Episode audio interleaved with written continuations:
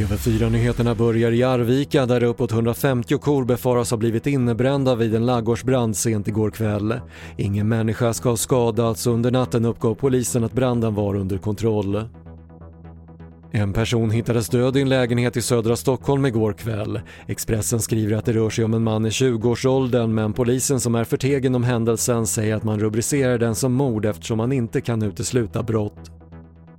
Rekordmånga besökte sajten 1177 Vårdguiden i juni. Över 7 miljoner inloggningar gjordes då vilket är nytt rekord enligt SR.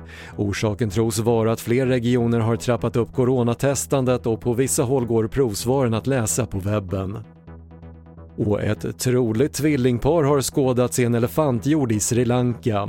Viltvården är ganska säkra på att de två elefantungarna som diar samma hona är tvillingar, även om tvillingfödslar är mycket ovanligt hos elefanter.